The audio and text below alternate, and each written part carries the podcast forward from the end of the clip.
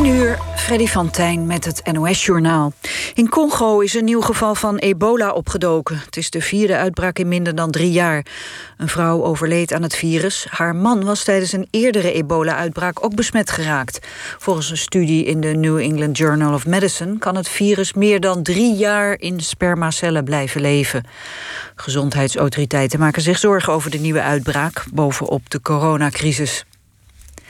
Het KNMI heeft voor morgenochtend, om precies te zijn vanaf middernacht tot morgenmiddag 12 uur, code oranje afgegeven vanwege gladheid. Tot middernacht geldt code rood. Rijkswaterstaat roept weggebruikers op om en morgenochtend en vanavond niet de weg op te gaan. Vanwege een corona-uitbraak blijft de oncologieafdeling van het medisch centrum Leeuwarden dicht tot 15 februari. 24 medewerkers van de afdeling zijn besmet met het virus. Patiënten van wie de behandeling niet kan worden uitgesteld krijgen verwijzingen naar andere ziekenhuizen in Friesland of naar het Universitair Medisch Centrum Groningen. En de Amerikaanse oud-minister van Buitenlandse Zaken George Shultz is overleden. Onder president Reagan zette hij zich in de jaren 80 in voor vrede in het Midden-Oosten. Hij probeerde onder meer Israël en de PLO te laten onderhandelen over een vredesakkoord. De meeste erkenning kreeg Schultz voor zijn rol bij het sluiten van het eerste verdrag met de Sovjet-Unie in 1987 om het aantal kernwapens in beide landen te beperken. In december liet de republikein Schultz nog van zich horen door in een artikel in de Washington Post op te roepen tot fatsoen en respect voor andere meningen. Dat stuk, dat geschreven werd ter gelegenheid van zijn honderdste verjaardag, werd door velen gezien als een aanval op de stijl van president Trump. Het weer. Op veel plaatsen valt sneeuw. Vannacht blijft het af en toe sneeuwen bij min 4 tot min 7 graden. Morgen bewolkt, af en toe wat sneeuw, vooral in het midden en zuiden. En later wordt het droger. De maxima liggen morgen tussen min 6 en min 3 graden. Dit was het NOS Journaal. Van Greets. Wie wil jij veel liefde sturen deze Valentijnsdag? De liefde van je leven, je beste vriendin, geheime crush, leuke single lady, zorgzaam. Volgende week is het alweer zover. Ga dus nu naar greets.nl en verras jouw Valentijn. Met bijvoorbeeld een leuke fotokaart, een mooie bos rozen of de lekkerste chocolade. Greets, zeg het op jouw manier. De podcast van Management Boek is live. In de boekenpraktijk koppelen we de theorie van boeken aan de dagelijkse organisatiepraktijk. Ga naar managementboek.nl slash podcast. Wie wil jij veel liefde sturen deze Valentijnsdag? Bestel nu jouw verrassing op greets.nl. Bingo met de morgen vroeg.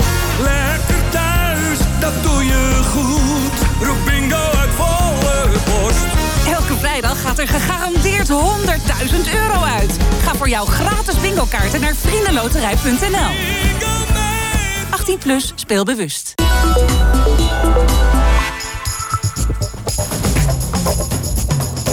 NOS, NOS, NOS Radio 1. Langs de lijn met Gert van het Hof. Goedenavond, het winterweer zorgde vandaag voor plezier en ongemak. Iets met halfvolle en half lege glazen. Het voetbal ging bijvoorbeeld niet door. Een landje zuidelijk lager gebeurde dat wel. In België werd gewoon gespeeld, terwijl het ook daar behoorlijk sneeuwde. We hoorden zo waarom dat allemaal wel goed ging. Ongemak was er ook bij de wereldkampioenschappen bobslee. De Nederlandse tweemansbob ging deels ondersteboven naar beneden. Oh, daar gaat bij het uitkomen van de krijsel de Nederlandse bob onderuit. Voetballer Melvin Platje zal even hebben moeten wennen aan de witte wereld waarin hij zich nu bevindt. Hij is terug bij de graafschap, maar eh, let even op, hij zat een paar weken geleden nog op Bali. Sneeuwballen dus in plaats van strandballen. Ja, dat gaan we een beetje sneeuwballen gaan wegdoen, toch? Dat kan ook. Een beetje aan de weer rennen misschien, een beetje lopen, een beetje, een beetje schieten, een beetje brullen. En zo is het glas dus toch weer half vol. De Nederlandse troef in het mannentoernooi van de Australian Open is Botik van der Zandschulp. Hij debuteert, maar heeft hoge verwachtingen. Ik denk dat ik zeker het niveau aan kan. Uh, ik heb dat ook ja, nu laten zien.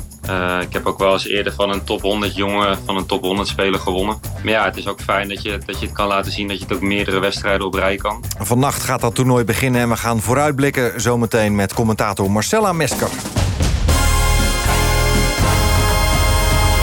En dit is een bericht van mijn moeder. Ik ben veilig in Hilversum aangekomen, maar dat had je misschien al wel door. Ja, het was dus de zondag van de sneeuw. Er was met geen oranje bal tegenop te voetballen. Sterker nog, het is vandaag niet eens geprobeerd.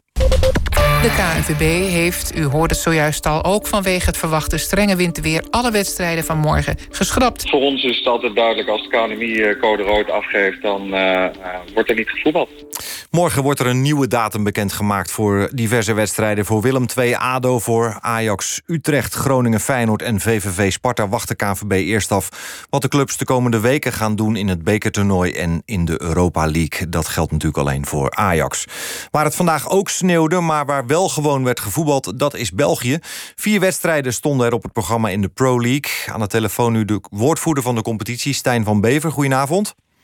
Goedenavond. Goedenavond. Ja, meneer Van Bever, kon het allemaal gewoon simpel doorgaan bij u vandaag? Uh, het uh, heeft plaatsgevonden, het is doorgegaan, ja. Uh, wij hadden code oranje. Misschien wel een belangrijk verschil. Wij hebben vooral sneeuw gehad tot deze middag. De wedstrijden van zowel 13.30 uur tot 16 uur, 18 uur en nu de laatste wedstrijd kwart voor negen, die, die zijn gespeeld, ja. Ja, het ging om uh, Antwerpen, uh, Beerschot Antwerp, uh, ja. Charleroi, Zulte Waregem, Genk Anderlecht en Gent Eupen. Was het wel vanmorgen nog even spannend, ook bij jullie, of het wel door kon gaan? Ja, het was de, de, de wedstrijd Beerschot Antwerp. We zien het, het langst is blijven sneeuwen in de provincie Antwerpen. En de wedstrijd al plaatsvond om half twee. is al wel de wedstrijd geweest, het terrein met het meeste werk. Maar de clubs waren eigenlijk al gisteren ingelicht dat de wedstrijden absoluut wel moesten plaatsvinden. De clubs in, in de hoogste afdeling bij ons hebben ook verplicht veldverwarming, want de wedstrijden in de tweede afdeling van vandaag die zijn wel uitgesteld. Maar de wedstrijden in de hoogste afdeling, clubs waren gebriefd. En buiten de ene wedstrijd op, uh, in het Antwerpen uh, hebben de andere wedstrijden eigenlijk plaatsgevonden op een, een uh, groene grasmat. Ja, en het scheelt ook dat er geen publiek bij is, hè? want dan wordt ja, de afweging mogelijk toch weer anders, want dan moeten er ontzettend veel mensen de weg op ook, hè? Ja, absoluut. Hè. Dus die factor die hebben we dus ook, wat in het verleden soms wel heeft meegespeeld om wedstrijden toch niet te laten plaatsvinden. die factor hebben we nu dus niet. Dus dat was één zorg minder. Ja, en dan hebt u denk ik ook gekeken naar wat gebeurt er in de ons omliggende landen. Met name natuurlijk uh, noordelijk en wat oostelijk. Uh, in Nederland, ja, u begreep denk ik wel dat hier de keuze werd gemaakt om, om niet te spelen. Ja, uiteraard. Hè. Zoals ik zei, uh, vanaf het ogenblik dat het code rood wordt, wordt het ook bij ons een ander verhaal. Ik denk als wij code rood hadden gehad, dan, dan denk ik dat het toch veel moeilijker zou zijn geweest om de wedstrijd te laten plaatsen. Het was bij ons maar, code, maar dat is eigenlijk code oranje. Dus we hebben toch die inspanning gedaan. Ja. Nou, het is toch goed dat er nog wat Nederlanders in actie zijn gekomen dan vandaag op een, op een voetbalveld. Hè? Dank, dank u wel daarvoor. Echt geschitterd, ja, ja zeker. Met wisselende resultaten. Dat, dat dan weer ja. wel. Dank u wel, meneer Van Bever. Ja, ja het, het kan dus wel degelijk, hè? voetballen in de sneeuw en in de vrieskou. Dat weten ze ook in Scandinavië. Daar, daar zijn ze dat gewoon meer gewend dan wij. Over hoe ze daar omgaan met de weersomstandigheden ga ik praten met Guillaume Philips. Misschien wel de Nederlandse expert wat betreft voetballen in de kou. Guillaume, goedenavond. Goedenavond. Ja, jij speelde in het verleden uh, onder meer voor Volendam en Telstar. Daarna in, hou je vast, IJsland, Noorwegen en opnieuw uh, IJsland. Om te beginnen, wat dacht jij toen je hoorde dat in Nederland vanwege een beetje sneeuw wedstrijden werden afgelast? Ja, in eerste instantie dacht ik natuurlijk uh, typisch Nederlands. bij minste geringste sneeuw dan is het natuurlijk gelijk chaos. Maar ik begrijp natuurlijk ondertussen ook wel dat er verschillende weercodes zijn uitgegeven. Dus uh, wat dat betreft uh, snap ik op zich wel dat het uh, voor veiligheid wordt gekozen ook. Ja, er had bijvoorbeeld vandaag best gevoetbald kunnen worden in de Amsterdam Arena met een uh, dicht dak. Maar uiteindelijk moeten er ook heel veel mensen rondom een voetbalwedstrijd richting een stadion om hem in beeld te brengen. Om uh, de veiligheid te waarborgen. En dat was inderdaad niet verantwoord. Toch even naar jou. Hè. In 2019 voetbalde jij in Alta. Dat ligt in het uiterste noorden van Noorwegen. Boven de Poolcirkel. Sterker nog, het is de ja. meest noordelijk gelegen voetbalclub ter wereld. Vertel ons eens even in wat voor omstandigheden jij je wedstrijden hebt afgewerkt. Ja, in, uh, in Noord-Noorwegen daar uh, is de kans uh, behoorlijk groot op, op een flinke sneeuwbui. Dus daardoor is er ook bij die club gekozen om in een indoorhal te spelen. Dat zie je tegenwoordig veel meer in Scandinavische landen ook. zodat de wedstrijden toch doorgang kunnen vinden. Maar ja, ik heb wel uitwedstrijden gespeeld. En over het algemeen gingen we vaak met de vliegtuig naar uitwedstrijden. Maar zat bijvoorbeeld uh, één wedstrijd tussen in oktober... waar de omstandigheden min 16 waren... En waar we niet naartoe konden vliegen, omdat het vliegveld te ver weg was van die plek. waardoor we met, met de bus gingen. Ja, en dan zit je zeven tot acht uur in de bus door de sneeuw, door het noorden van uh, Finland en Zweden zel, uh, zelfs om uh, ja, aan de andere kant Noorwegen weer binnen te rijden. Ja, en dan voetbal je in de vrieskou met een bevroren veld. dus het kan wel, maar ideaal is het niet. Nee, en wat zing je dan eigenlijk in de bus? We zijn er bijna, als je er nog lang niet bent? Of hoe, hoe werkt dat? ja, oordopjes in, muziek luisteren en een beetje naar buiten turen. Want zijn leveren natuurlijk wel prachtige plaatjes op als je in dat gebied rondrijdt. dus dat is ook iets wat je dan meemaakt wat normaal gesproken niet echt voorkomt. Ja, wat is de extreemste, de meest extreme wedstrijd die je hebt gespeeld qua omstandigheden?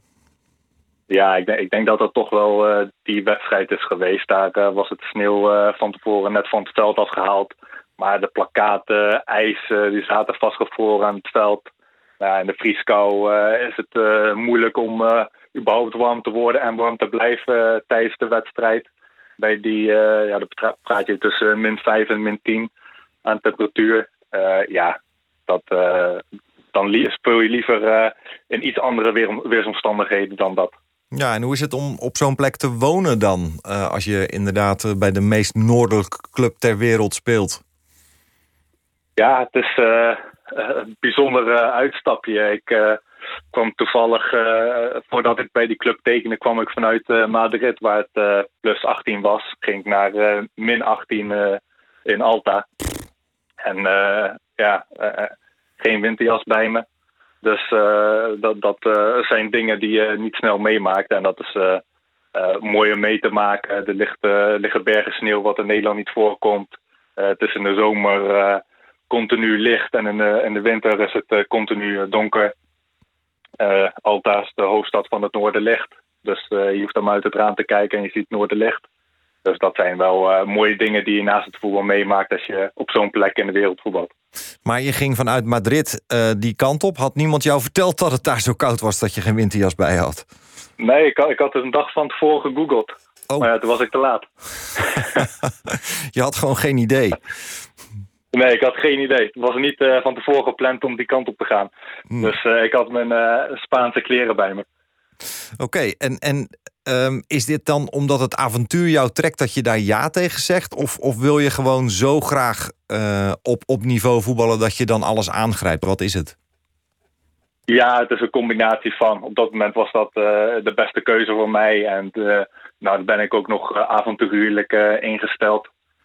Dus uh, dan, uh, ja, dan zeg je daar denk ik iets makkelijker ja tegen dan uh, als je wat andere voorkeuren hebt. En toen dacht je, ik ga naar IJsland. Waarom, waarom dat dan? In IJsland, ja, ik heb mijn vriendin in IJsland. die is IJsland, dus die had ik in mijn eerste periode bij, in, in IJsland leren kennen. En die is uiteindelijk ook mee geweest naar Noorwegen. Maar vanwege geboorte van onze zoontje zijn we uiteindelijk weer na het seizoen in Noorwegen terug verhuisd naar IJsland. En vandaar dat ik weer ergens anders in de kou zit. Oké, en als je nu naar buiten kijkt, wat zie je dan? Beter weer dan in Nederland. Het is uh, droog, geen sneeuw en uh, volgens mij is het een graad of één. Dus uh, op dit moment is voor het eerst een hele lange tijd dat ik het beter heb hier dan in Nederland. Nou, dat is goed om te horen. Ik zou zeggen, geniet er even van. leuk om, om jouw ja. verhalen te horen over voetballen in, in echte kou. dankjewel. Jon Philips was dat. Ja, graag gedaan. Heel mooi. Uh, gaan we naar een heel ander onderwerp. Een, een, plek bij de beste acht bij de wereldkampioenschappen bobslee... zou recht geven op deelname aan de Olympische Spelen. Maar de tweemansbob van Ivo de Bruin en Janko Franjic... slaagden niet in die missie, bij lange na niet. De Nederlanders stonden na de eerste twee runs op de 21ste plek. En bij de derde run gebeurde er dit. Oeh, dat ziet er niet goed uit. Te veel ijs gepakt, te veel scheef getrokken. Die kruisel. Oh, oh nee! Oh, daar gaat bij het uitkomen van de kruisel de Nederlandse Bob onderuit. Ai, ai, ai. And that is not the way that he wanted this run to end. Was looking good till then. Vol risico natuurlijk. En te laat eruit. Die kruisel is zo'n lastige bocht om doorheen te komen. But now we're worried about their health. Ivo de Bruin pakte natuurlijk het risico. En nu staan ze daar en ligt de Nederlandse Bob op zijn kop. Dat zei Maarten Tip, onze bobslee-commentator. Een crash dus van de Nederlandse Bob. De slee gleed op zijn kop over de finish met de Bruin en Frans daar gewoon nog in. Ivo de Bruin, goedenavond. Goedenavond. Ja, hoe is het nu met je? Ja, goed. Uh, teleurgesteld, maar, uh, maar het gaat fysiek uh, en, en, en mentaal goed met ons. Ja, hoe luister je naar, naar dit verslag van, van Maarten? Ten eerste vind ik dat hij het heel goed doet. Uh, ten uh, tweede vind ik, ja, het is, het is, het is, heel vervelend. Uh, we, hadden, we hadden goede hoop op een, op een top 12. trainingen gingen erg goed. alleen de wedstrijd gisteren was al niet goed. En vandaag hebben we daar nog een, stepje bo een stapje bovenop gedaan, helaas. Ja, je moest ook een beetje risico nemen, hè? want je moest uh, na de derde run bij de top 20 staan... om überhaupt de vierde run ook te mogen bobben. Gaat het daar dan ook mis dat je iets te veel risico neemt? Of, of, of was het gewoon een, een, een, een moment uh, nee, uh, we hebben iets meer risico genomen, uh, Kreisel. Dus dat, dus dat hele rondje wat zeg maar in de baan zit, zit er om je langzamer te laten gaan. Omdat je meer moet sturen, ga je langzamer. Dus hoe minder je stuurt, hoe sneller je daar gaat. de winnaar Friedrich doet het geweldig. ik, ik vandaag iets minder. Dus we proberen iets minder te sturen, neem je iets meer risico. heb je de kans op meer snelheid. Maar dat, maar het werkt omgekeerd. Ja, wat, wat moet je doen op zo'n moment? Hè? We hoorden het Maarten ook wel in zijn tv-commentaar zeggen... ja, je, je maakt je klein op het moment dat je ondersteboven uh, komt. Maar wat kun je verder? Uh, uh, weinig, weinig. Uh, Janko zit er, dan, zit er dan helemaal uit, zeg maar. Dus zijn rug is helemaal bloot naar het ijs toe. Die kan zich alleen maar met zijn handen vasthouden en met zijn voeten vastzetten. ik zit voor het groot gedeelte onder de voorste kap. het, het, het enige wat eruit komt is zeg maar mijn hoofd. Dus die probeer ik zo ver mogelijk naar binnen te drukken. Maar dat sleetje is niet zo groot, dus het gaat nogal moeilijk. Maar, um, nou, nou, vond ik het wel opvallend. Dat las ik in elk geval ook op onze uh, website. Maar dinsdag zijn we er weer bij in de viermansbob. Dat was zo'n beetje het eerste commentaar dat je gaf. Is dat zoals een uh, ruiter die uh, van zijn paard valt... als die weigert over een okser te gaan? Dat je denkt, ja, ik moet direct weer die bob in? moet niet, wil wel. moet, ik, moet ik erbij zeggen. crashen hoort bij sport... Uh, je doet er alles aan om niet te crashen. Dat, dat is zo, zo gaat het nou eenmaal. Uh, vandaag was een, was een hele lelijke crash. Uh, zeker op tv lijkt die heel erg. als je erin zit, is het, is het een stukje minder erg. maar, maar op tv ziet het er echt vreselijk uit. Nou, gelukkig is het minder erg dan wat het eruit ziet. maar, het, maar het hoort ook wel een beetje bij het slee. Dus zolang alles goed is, we zijn bij de dokter geweest. De dokter heeft ons nagecheckt. Uh, we zijn allebei helemaal gezond. Uh, dinsdag krijgt Janko een dag rust. en zitten er drie andere jongens bij mij in de slee. En dan, en dan gaan we de viermans naar beneden. Ja, en als je kijkt naar de toekomst. Um, doelstelling was en is natuurlijk... we willen richting de Spelen. Hoe, hoe kijk jij daarnaar voor jezelf? Uh, die doelstelling is, uh, is uh, niet veranderd. Afgelopen week gingen de trainingen heel goed, wedstrijd duidelijk minder. komende week zullen we eerst moeten kijken hoe alle trainingsruns gaan, hoe, het, hoe het team ervoor staat. en dan pas kunnen we kijken wat we in de wedstrijd kunnen of willen doen. en, volgend, en volgend seizoen is nog steeds het doel om naar de Spelen te gaan met dit team. Ja, dan zagen we Francesco Friedrich in Altenberg... Uh, eigenlijk ja, vier heats lang een, een masterclass geven. Hè? Deze Duitser pakt zijn tiende wereldtitel met uh, Alexander Schuler.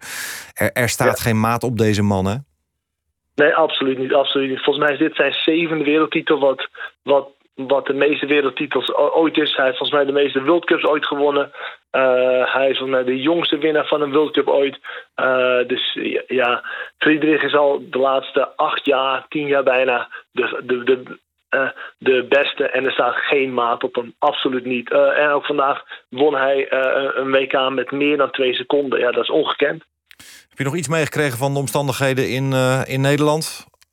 Ja, een klein beetje. Uh, omdat mijn uh, zus me net vertelde dat, uh, dat haar kinderen niet naar school gaan. En volgens mij is dat in mijn leeftijd, op mijn leven, nooit voorgekomen dat er te veel sneeuw was. Ik ben het wel gewend, zeker hier. Hier ligt ook 30 centimeter sneeuw en dan is het min 12.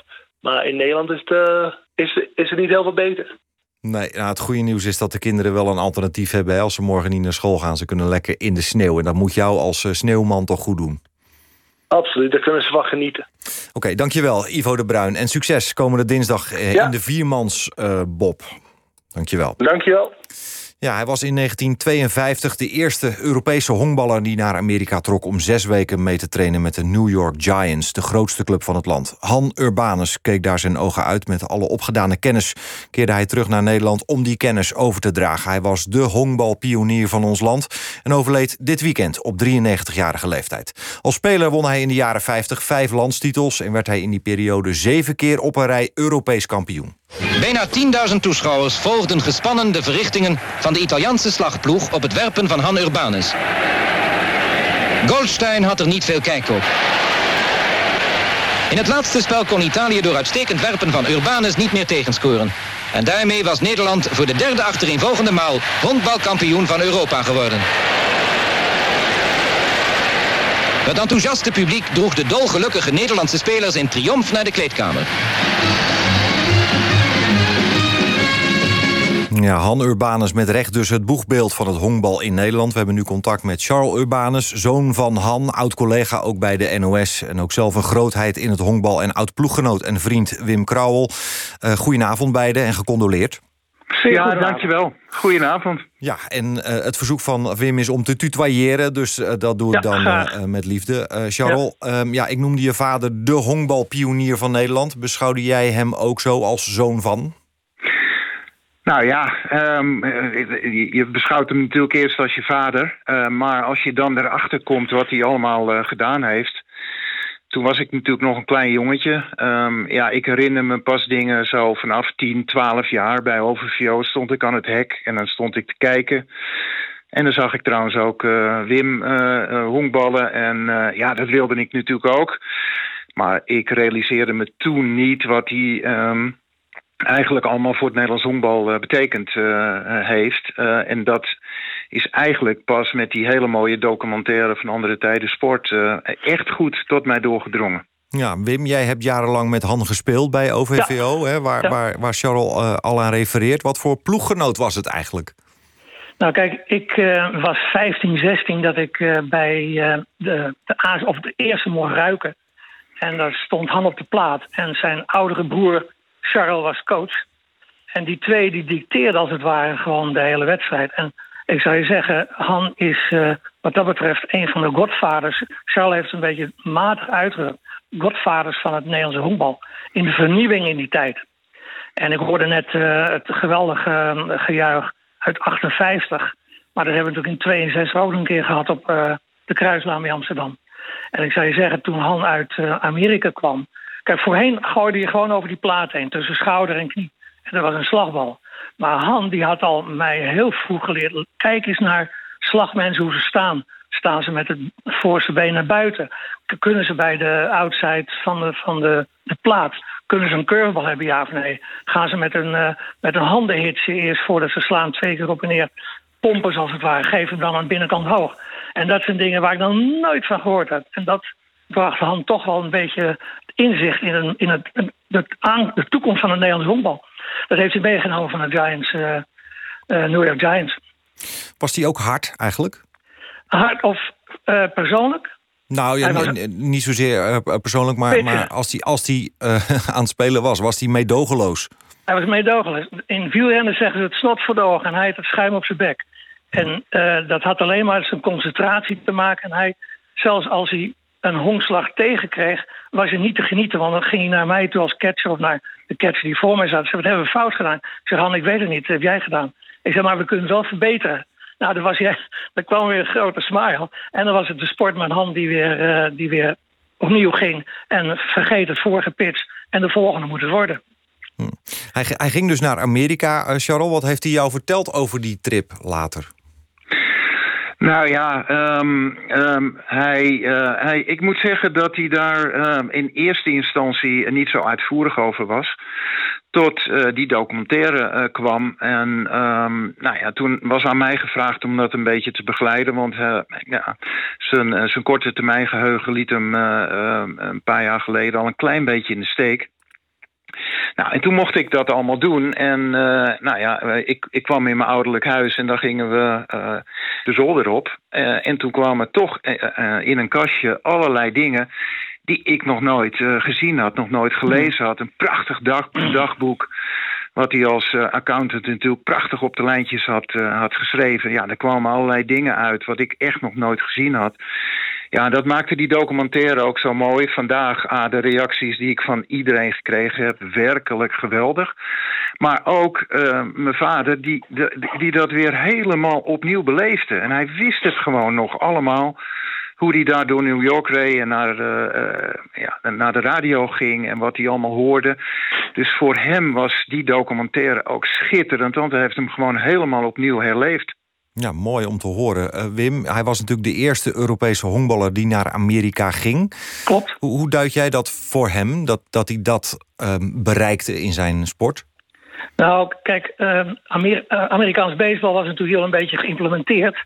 En eh, als je eh, als recht, ja, als, laat ik zeggen, als zoek ik dan, en zeker Han ook, dit wilde bereiken, dan had je allemaal één mogelijkheid. Dat was naar EFN Network luisteren of uh, jezelf bekwamen. En daar heeft hij dus door zijn excellente talent en zo... heeft hij zich daar kunnen bekwamen op... Uh, zoals ik dus later heb gedaan met, uh, met White Sox... door het Leo van de Karfonds. En de Hondelbond heeft hem, heeft hem die, die, die, die gegund om dat te doen. En ik zou je zeggen, ja, daar komt een heel andere handkopte terug... technisch gezien.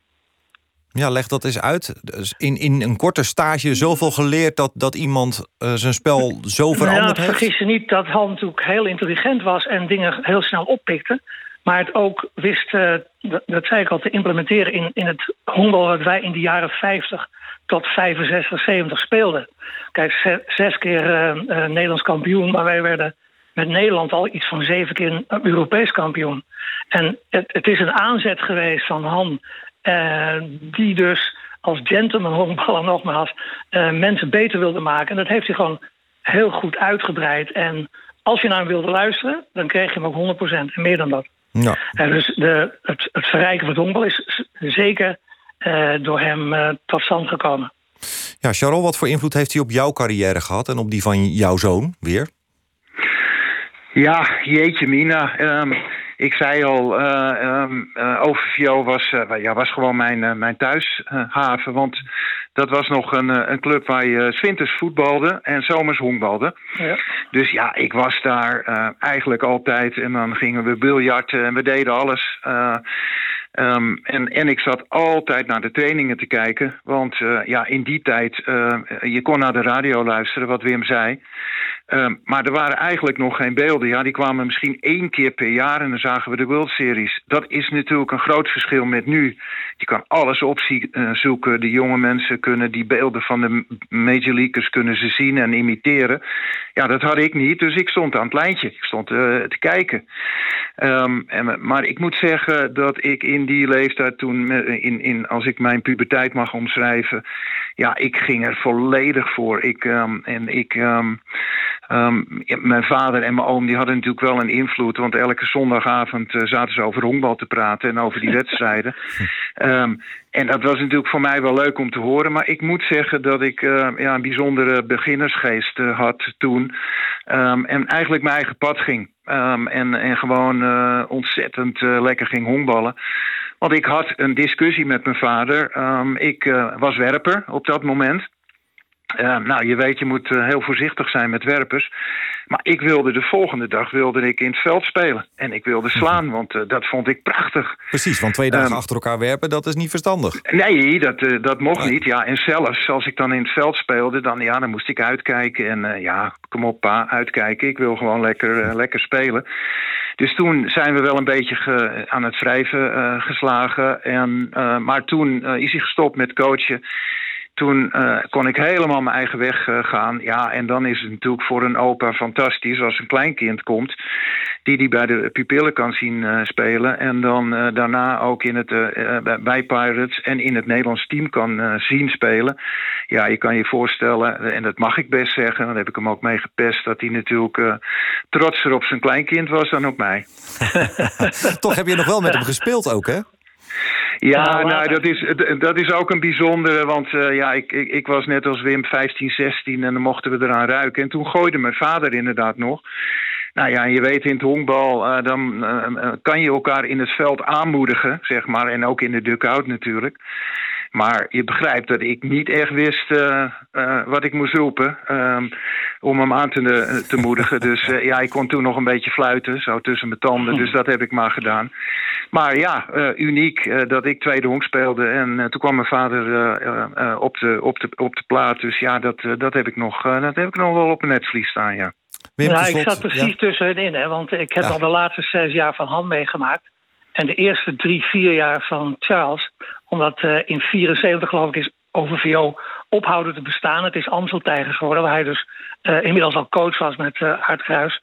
Maar de meest mooie, mooie herinnering heb ik natuurlijk aan zijn, zijn oudere broer Charles, die gewoon een self-made honkballer was en een self-made coach. Hij had alles van papier en nou ja, uit krantjes, uit blaadjes enzovoort. Totdat zijn broer naar Amerika ging. En hem nog eens even wat influisteren. En daar zag je dus het mooie van de familie Urbanus die pikte dat ook onmiddellijk weer op. Ook oude Charles. Ik noem hem oude Charles, want dat was zijn bijnaam geloof ik zo'n beetje. Mooie verhalen om uh, ja. te horen. Um, sterkte uh, beide de komende week en dank de, de, tijd daarna. Charles Urbanus ja, en uh, Wim Krauwel. Dank, dank je wel. Dankjewel. Dankjewel. Dankjewel. Fijne avond nog. Goeie Dankjewel. En uh, voor die mensen die zeggen van nou die andere tijden sport over Han Urbanus die zou ik graag nog eens willen zien. Dat kan uh, als u surft naar www.nos.nl en u zoekt daar naar uh, het verhaal over het overlijden van Han Urbanus.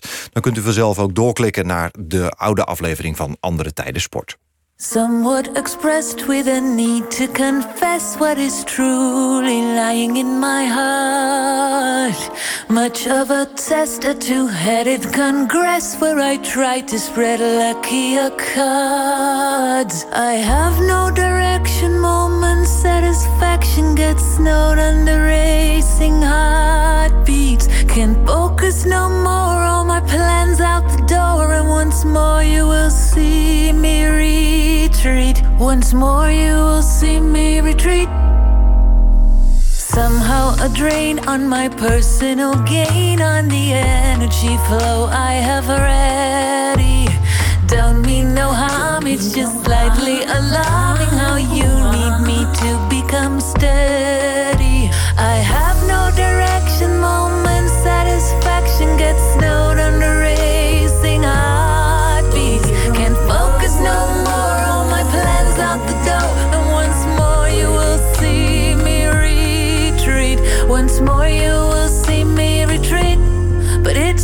your fault, my sweetheart. My head is tumbling, tumbling. It's not your fault,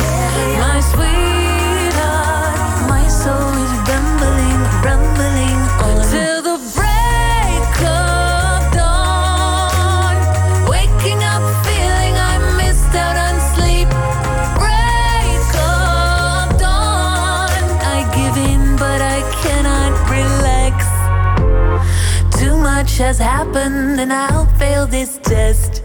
Yes, it is love and all of the above. I have tried to match up almost daily. That's what you get when you want to be mother of all, as your name spelled already. I have no direction, moment satisfaction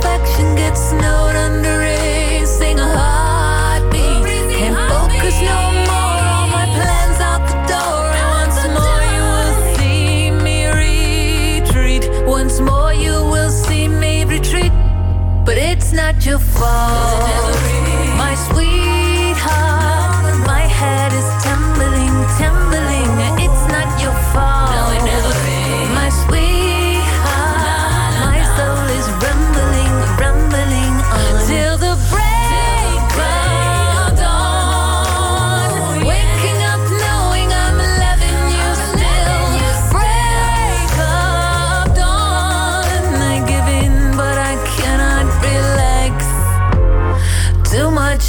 has happened, and I'll fail this test.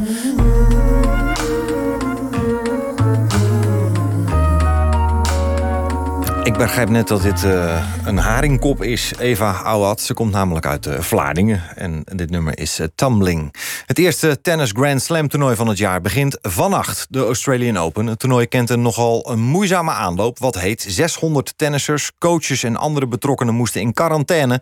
Na een coronabesmetting bij een hotelmedewerker moesten ze nog een keertje terug de hotelkamer op. Intussen zwelt de kritiek onder de Australische bevolking aan. Moet er wel een internationaal tennistoernooi plaatsvinden in coronatijd? Nou, we gaan praten over die Australian Open met onze tenniscommentator Marcella Mesker. Marcella, goedenavond. Goedenavond, Gert. Jij bent gewoon in Nederland. Dat wil zeggen geen uh, nou, quarantaine voor jou. In elk geval niet vanwege de Australian Open. Is, is het goed wat jou betreft dat dit toernooi doorgaat? Ja, uiteindelijk wel. Kijk, uh, ik, begrijp die inwoners. Uh, Australië, die hebben maanden uh, hebben ze in een harde lockdown gezeten... om dat virus klein te krijgen. Dat is gelukt. Dan komen er zo'n 1000 tot 1200 tennissers en hun entourage en organisatie. Ja, die komen dan dat land binnen en ja, dan komt er toch weer een virusje mee. En ja, die mensen maken zich grote zorgen. Ik kan me dat echt, echt uh, voorstellen. Maar goed, uh, aan de andere kant, Greg Tiley, de toernooidirecteur. Ja, ik zou niet graag in zijn schoenen willen staan. Ik denk Richard Krajcek uh, ook niet als toernooidirecteur. Man, man, man, wat heeft die aan de weg moeten timmeren... om het toch van de grond te krijgen. En uiteindelijk gaat het gewoon vannacht van start. Hebben ze het redelijk onder controle. Uh, spelers zijn blij dat er toch een Grand Slam kan worden gehouden. En ja, uh, Craig Tiley zegt ook... weet je, als we het toernooi niet houden... Uh, er zijn kapers op de tocht, uh, staan, staan daar klaar... om het toernooi over te nemen. landen als China, landen als Japan... andere landen in Azië.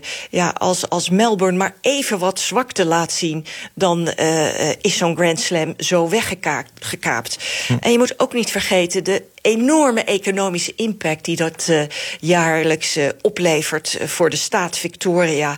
Dus al met al als dit toernooi goed doorkomt, en ik verwacht het van wel... ja, dan staat Australië er gewoon heel erg goed op. En is het eindelijk ook weer eens positief wat de sportwereld laat zien. En kan het ook een enorme testcase zijn voor andere grote sportevenementen wereldwijd. Ja, en economisch ook voor de spelers van belang. Hè? Want wij hebben het natuurlijk vaak over de, de grote namen. En over hen hoeven we ons financieel natuurlijk geen zorgen te maken. Maar als je buiten de top 50 staat en je komt een jaar niet in actie... dan heb je ook als uh, tennisprof wel een probleem, hè? Ja, zeker. Je, je kan rustig zeggen dat ja, de subtop... Ja, die staan qua inkomsten al maanden droog. En ja, de eerste ronde is uh, toch 63.000 dollar.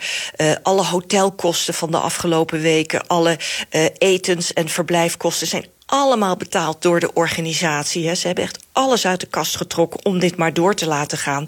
Dus ja, als je hier kunt spelen.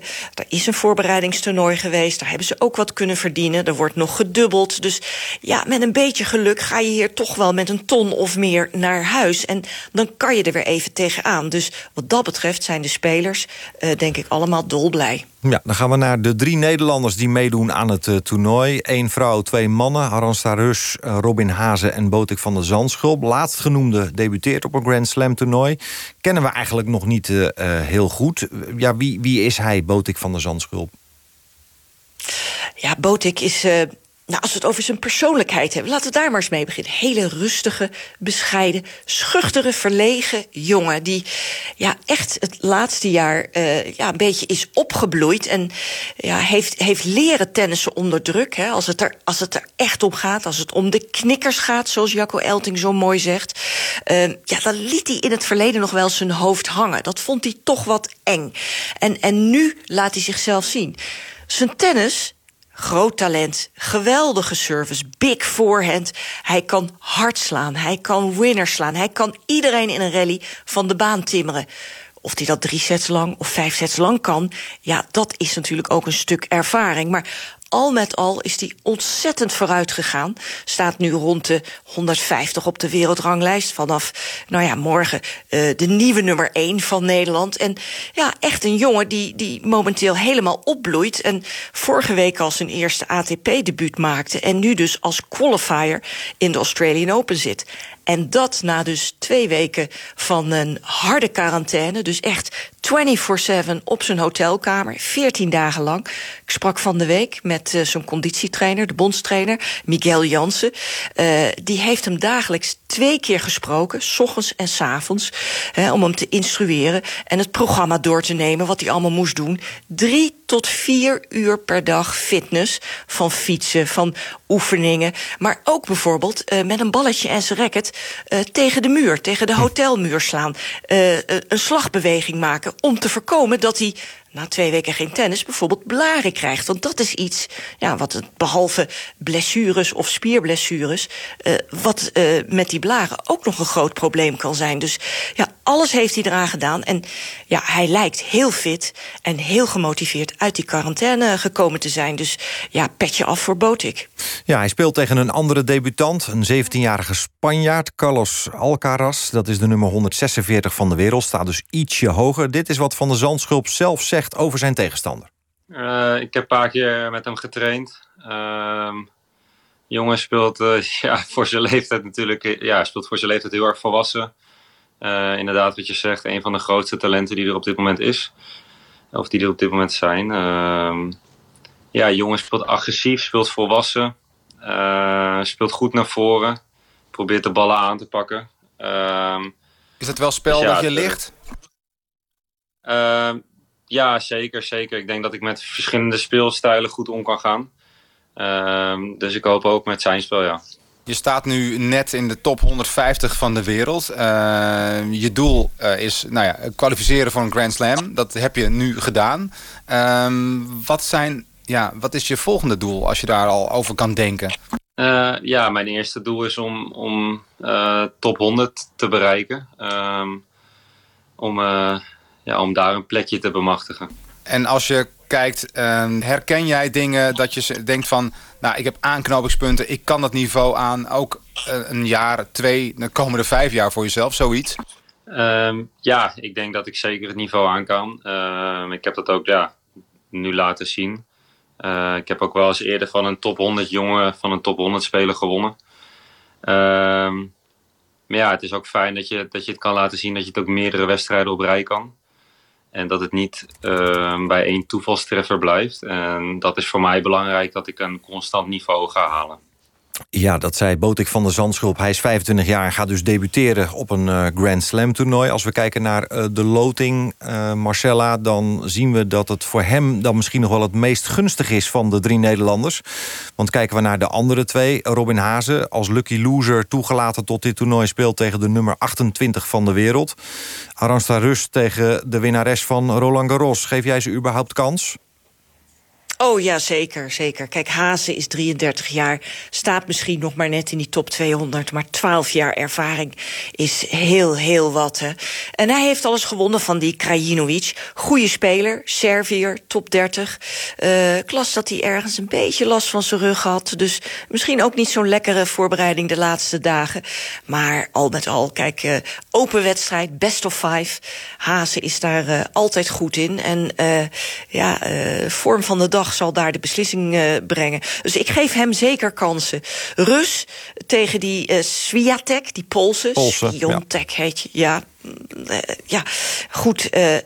die Poolse heeft de druk, laten we wel wezen. En ik denk dat nu ook de waarde van de sportpsychologen... met wie zij al jaren samenreist... ja, nu toch wel bekend zal worden. Want ehm, Roland Garros winnares. Nu kijken wij allemaal, god, die Sviontek, dat zal toch wel een favoriet zijn. En Rus heeft natuurlijk niets te verliezen. Heeft ook één keer tegen haar gespeeld en één keer dik gewonnen. Dus dat zijn toch dingetjes die je meeneemt op de baan. Dus het kan zowel voor Hazen als voor Rus.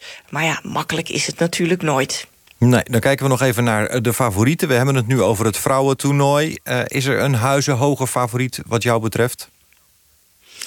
Uh, ja, ik denk dat je moet kijken naar een Osaka en naar een Barty, de nummer 1 uh, van de wereld. Uh, Halep natuurlijk. En wat dacht je van Serena? Die blijft het natuurlijk proberen om haar 24ste Grand Slam te winnen. Ik vond haar goed spelen vorige week. Zag er fit uit, want daar let je dan natuurlijk op. Hoe beweegt ze? Hè, haalt ze de hoeken een beetje?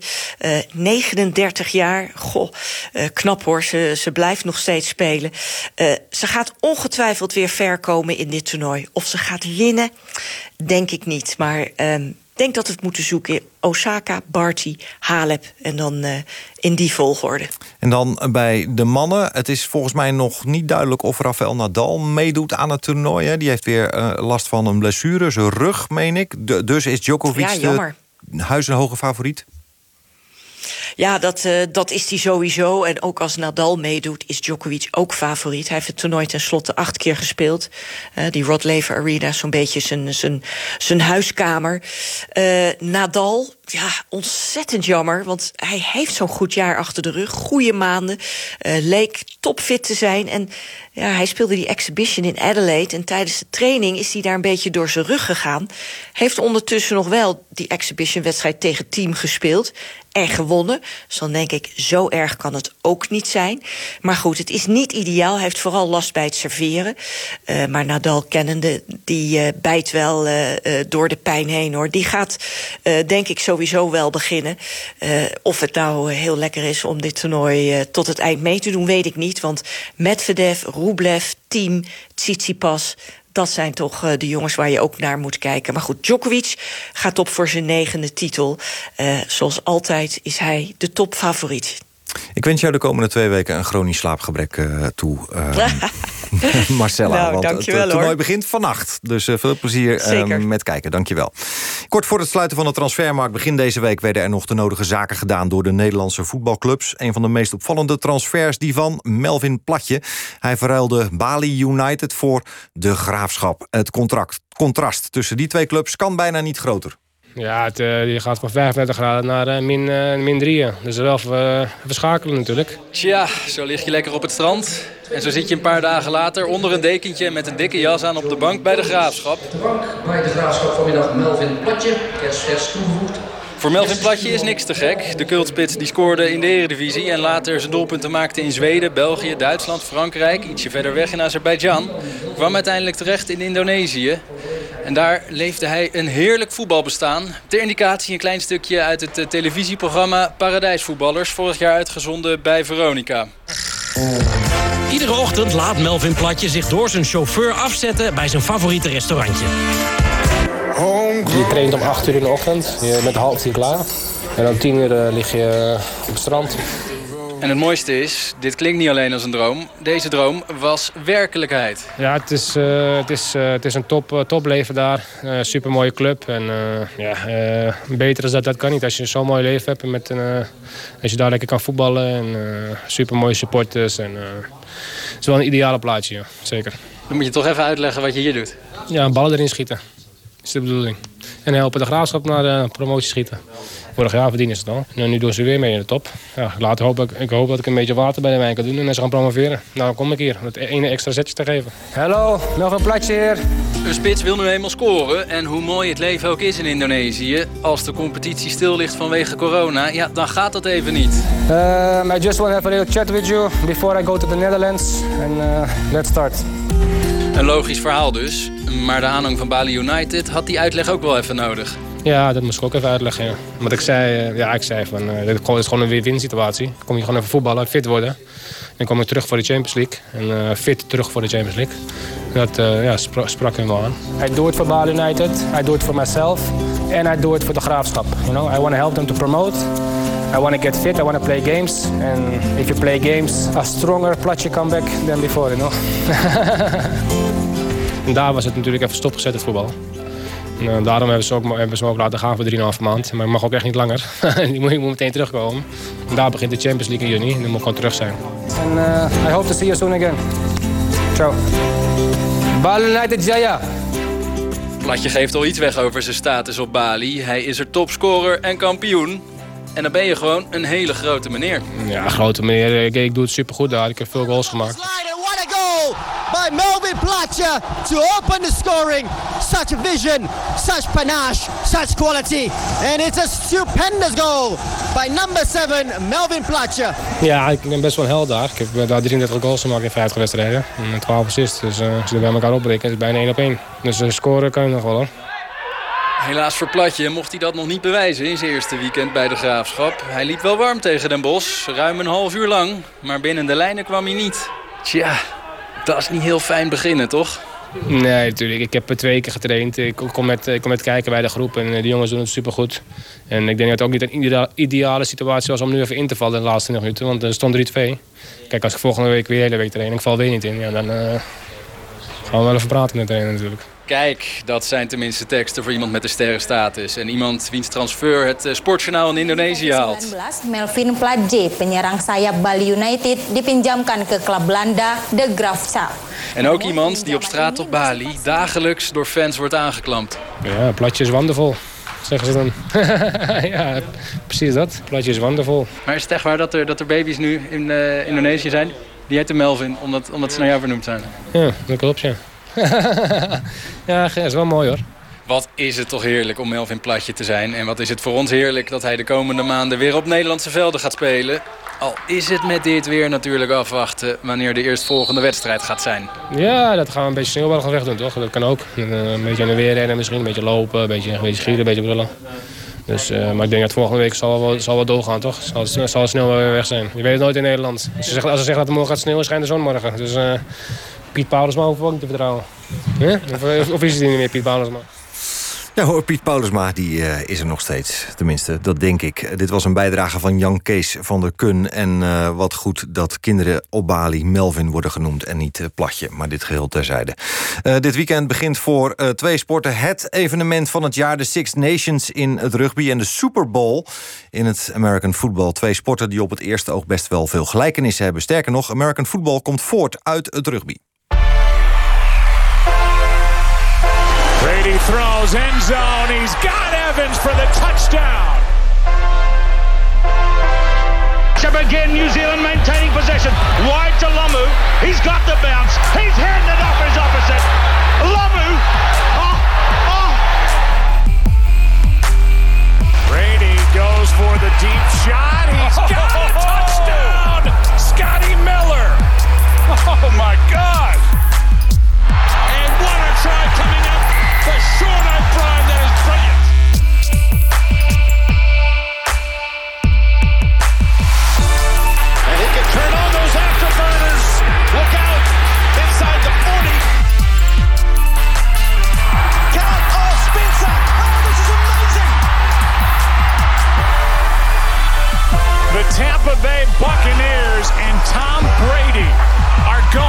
Super Bowl 55. Ja, mooi om uh, te horen, inderdaad. Tom Brady, dat is uh, de grote man in Amerika. Gaat uh, het hem opnieuw lukken vannacht als hij de Super Bowl speelt. Nou, we gaan het over beide sporten hebben. Het rugby en het American football. Met een man die beide sporten ook heeft gespeeld. Op nationaal niveau, Michael Thielroy. Michael, goedenavond. Goedenavond. Ja, je was rugby international en speelde American football hier in Hilversum. Zijn die sporten te vergelijken? Op welke manier? Uh, ja, aan de ene kant zijn ze een beetje te vergelijken, maar er zit ook ja, heel veel verschil in. Uh, ja. Bijvoorbeeld met de Amerikaans voetbal heb je natuurlijk een aanval, een verdediging en je hebt ook nog de special teams voor de kick-off en voor andere situaties. En rugby, ja, daar stap je met z'n 15 het veld in. En daar heb je de aanval, de verdediging in één, zeg maar. Dus daar heb je niet speciaal mensen die puur aanvallen of puur verdedigen. Jij begon als, als rugbyer en ging daarna over naar het American football. Hoe heb jij die overgang beleefd? Uh, ja, jee, dat is een leuke. Ja, op zich was het voor mij geen overgang. Ja, natuurlijk uh, qua spelvorm uh, en spelregels. Maar uiteindelijk, ja, ik was gewend om te rennen met een bal. de bal was bekend, hè, de vorm bij mij. En het tackelen was voor mij ook niet uh, vreemd. Want dat, uh, ja, ik heb gerugbied al vanaf mijn achtste en ben opgegroeid met een rugbybal zo ongeveer. Dus het contact was mij niet vreemd, allemaal. Het is alleen, ja, het is wel een andere discipline, dat wel. Ja, want hoe kijken rugbyers naar uh, het American football? Ik kan me voorstellen dat ze denken, dat, dat zijn watjes daar in Amerika. nou ja, Nou, to- toen de tijd wel hoor. Vroeger, toen, eh, toen ik dat deed, toen, toen was het wel zo... ja, dat zijn een beetje vreemde mensen met helmen en eh shoulderpads aan... en het is meer show. En dat is het denk ik ook nog steeds. Ook als je kijkt naar nationaal niveau. Als je de top, top van eh, NFL kijkt, de top van rugby, Nieuw-Zeeland, Australië, Engeland, noem maar op. Het is meer no-nonsense rugby. En ik denk dat het toch wel ietsjes meer show is. Ondanks dat ook een hele harde sport is natuurlijk, Amerikaans voetbal. Ja, eh, en, en eh, is er dan ook haat en nijd tussen de sport... als je dat beschrijft, zeker Nee, vanuit dat- het verleden, of dat niet meer? Nee, nee, nee, nee. Nee, maar dat, dat is er nooit geweest. Het was ook natuurlijk een beetje onbekend in die tijd. Hè. Kijk, eh, toen ik begon, eh, toen ik rugby, er waren er natuurlijk wel rugbyclubs. Maar er waren misschien maar tien Amerikaanse voetbalclubs. En het kwam net een beetje in. Eigenlijk. En dan wordt er wat anders gekeken. Maar ik denk door de jaren heen dat het respect voor elkaar daar wel natuurlijk is. Want het blijft topsport. Ja, de, de ene sport is natuurlijk echt Brits, de ander echt Amerikaans. En dan gaan we over anderhalf uur kijken naar eh, ja, wat, wat ook wel de grootste show in de sport wordt genoemd. Hè? De, de Super Bowl tussen de Kansas City Chiefs en de Tampa Bay Buccaneers. Eh, een show, eh, ook omdat er grote optredens zijn normaal gesproken... en reclamezendheid rondom die Super Bowl niet te betalen is. Er zijn bedrijven een jaar bezig om een mooi filmpje te bakken. Ga jij kijken eigenlijk over anderhalf uur? Ja, ja, ja, ja. Ja, ik ga wel kijken. De Super Bowl, dan maak ik wel dat zeg ik ben niet zo'n frequente kijker. Nou is dat ook niet heel makkelijk hier in Nederland. Want het wordt meestal inderdaad laat, s'nachts gespeeld. Maar zometeen ga ik zeker zitten. Dat wil ik niet missen. Ja, en op wie zet je dan je geld? Eh, de Buccaneers. Ja, en, en waarom, waarom eh, eh, doe je dat? Nou, de eh, heb ik vernomen was al een aardig goed team. Vooral de, de defense is heel goed. Ja, Tom met een, eh, Tom Brady erin. De man weet waar hij mee bezig is. Die heeft wel negen keer gestaan. En dat is, niet, dat is denk ik geen toeval. Dus vandaar dat ik, eh, ja, de, de, ja, de, de, ja, Brady eigenlijk de voordeel van de twijfel geef. Ja, daar sta je zeker niet alleen in. Maar veel mensen zeggen juist van ja, die titelverdediger, de Kansas City Chiefs. Ja, die moeten dat normaal gesproken winnen. En dan zet jij toch je geld op, op Tom Brady. Wat is het geheim van deze man dat hij op 43-jarige leeftijd. Ja, op de, op de drempel staat van zijn tiende eh, titel? Ja, ja dat, eh, als we dat wisten. Hè? nee. ja, nou ja, ik denk gewoon een hele slimme man die gewoon verschrikkelijk veel aanleg heeft voor hetgeen wat hij doet. Ja, en wat maakt hem dan slim? Dat, dat je eh, weet waar je grenzen liggen. eh, het dat je gevoel voor het spel. Het spelinzicht voor het vooral spel. goed hebt. Het, spel, het spelinzicht, maar ook natuurlijk van nature je instinct wetend waar je tegenstander vandaan komt. Want hij heeft relatief weinig echte blessures gehad, waar menig quarterback met zijn 34 tot 35 eh, op is. Omdat hij zoveel harde tackles heeft gehad, heeft hij dat niet. En dat wijt ik toch een beetje aan instinct om te weten wat er achter je in je rug eh, gebeurt, zeg maar. En hij weet waarschijnlijk ook de poppetjes zo neer te zetten dat het niet overkomt. Ja, dat is, dat is buitengewoon knap. Hè? En hij is ook eh, de, de oudste quarterback in eh, de Super Bowl, meen ik. Ja, Ja. ja. dat, dat, dat zal zeker wel, ja. Ja. Denk je dat hij er ook direct mee stopt als hij, als hij wint? Of, of heeft hij nog een contract dat doorloopt? Geld zal niet echt meer het probleem zijn, hè? Lijkt me in zijn geval. Nee, ik denk niet meer dat hij met de krant eh, langs de weg hoeft. Nee. Maar ja dat, eh, ja, dat is moeilijk te zien. Eh, Kijk, eh, hij is 43 en speelt nog steeds. En kijk naar Valentino Rossi. Hè, dat is een beetje zijn leeftijdsgenoot. Ja, die blijft, zolang die kan racen, blijft, blijft hij racen. Zolang die mee kan doen. En ik denk dat dat misschien met hem ook wel is. Want het is al een liefhebber. En naar een liefhebber eh, willen we allemaal kijken. Dankjewel, eh Michael Thielroy. Je hebt ons lekker gemaakt voor eh, de Super Bowl... die dus nou ja, straks om een uurtje of half twee vannacht gaat beginnen. Leuk om even met je te spreken. Kijken we nog naar wat uitslagen in de diverse buitenlandse competities... in de Premier League. Liverpool, Manchester City, hou u vast. 1-4. Sheffield United, Chelsea 1-2. In, AC in Serie A, AC Milan wint met 4-0 van Crotone. Twee goals van Zlatan. Hij heeft nu 501 doelpunten gemaakt in clubverband. En dan Real tegen Barcelona. Het was niet de makkelijkste wedstrijd voor Barça. De Jong en Messi kwamen erin. En uiteindelijk won Barcelona met 2 tegen 3. Blijft het dus uitermate goed doen. Tot zover deze uitzending. Zometeen gaat hier verder Mieke van der Wij. Zij presenteert Met het oog op morgen. Wij melden ons morgenavond weer om half tien met het Sportforum. Zal gaan over sneeuw en het voetbal, met name van gisteren. Nog een fijne dag.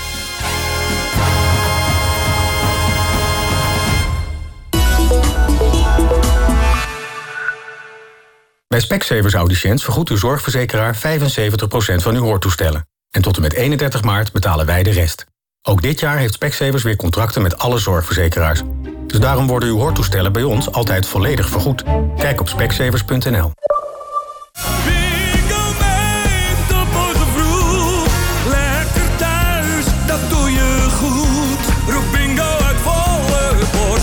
Elke vrijdag gaat er gegarandeerd 100.000 euro uit. Ga voor jouw gratis bingo-kaarten naar vriendenloterij.nl. 18 plus, speel bewust. NPO Radio 1. Het is 11 uur, het is Jeroen Tjepkema met het NOS Journaal. Het KNMI heeft voor vanaf middernacht tot morgenmiddag 12 uur code oranje afgegeven in verband met gladheid. Rijkswaterstaat roept weggebruikers op ook morgenochtend niet de weg op te gaan. Het treinverkeer van Arriva en NS werd in de loop van de dag in het hele land stilgelegd. De NS verwacht morgenochtend op kleine schaal weer te gaan rijden. Een aanzienlijk aantal basisscholen, verspreid over het hele land... blijft morgen gesloten vanwege het winterweer. Ze mochten morgen net weer open na de lockdown. In Amsterdam alleen al blijven meer dan 100 scholen dicht. Ze kunnen niet garanderen dat de leraren er op tijd kunnen zijn. Vanwege code oranje en de treinuitval gaan nagenoeg alle zittingen... die morgen zouden plaatsvinden op de locaties van het Hof Arnhem-Leeuwarden niet door. Dat zijn zaken in Arnhem, Leeuwarden en Zwolle. De betrokkenen worden op de hoogte gebracht. En vanwege het weer vinden de uitgeverijen van kranten als de Volkskrant, NRC, de Telegraaf, het AD en veel regiobladen het niet verantwoord om mensen de weg op te sturen met de ochtendkranten. Die worden morgen dus niet bezorgd bij de abonnees. De GGD wil morgen wel alle test- en vaccinatielocaties heropenen. Per regio kan nog wel worden besloten dat een locatie dicht blijft vanwege het weer. Mensen met een afspraak worden gebeld als hun test of vaccinatie niet doorgaat. Wie dat wil kan zijn afspraak telefonisch verzetten. Vanwege een corona-uitbraak is de oncologieafdeling van het Medisch Centrum Leeuwarden dicht tot 15 februari. 24 medewerkers van de afdeling zijn besmet. Patiënten van wie de behandeling niet kan worden uitgesteld... krijgen verwijzingen naar andere ziekenhuizen in Friesland... of naar het Universitair Medisch Centrum Groningen. Zuid-Afrika heeft het gebruik van het AstraZeneca-vaccin opgeschort. Uit eerste testresultaten blijkt dat het vaccin maar beperkt beschermt... tegen de Zuid-Afrikaanse coronavariant. Ontwikkelaars verwachten dat ze het vaccin tegen de herfst zo hebben aangepast... dat de prik wel voldoende bescherming biedt tegen deze variant. In Congo is een nieuw geval van ebola opgedoken. Het is de vierde uitbraak in minder dan drie jaar. Een vrouw overleed aan het virus. Haar man was tijdens een eerdere ebola-uitbraak ook besmet geraakt. Volgens een studie in de New England Journal of Medicine... kan het virus meer dan drie jaar in spermacellen blijven leven. Gezondheidsautoriteiten maken zich zorgen over de nieuwe uitbraak... bovenop de coronacrisis. De Amerikaanse oud-minister van Buitenlandse Zaken George Shultz is overleden.